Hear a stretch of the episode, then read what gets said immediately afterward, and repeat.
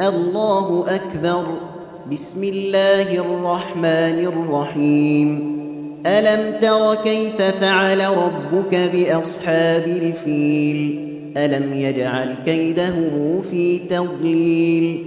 وأرسل عليهم طيرا أبابيل ترميهم بحجارة من سجيل فجعلهم كعصف مأكول.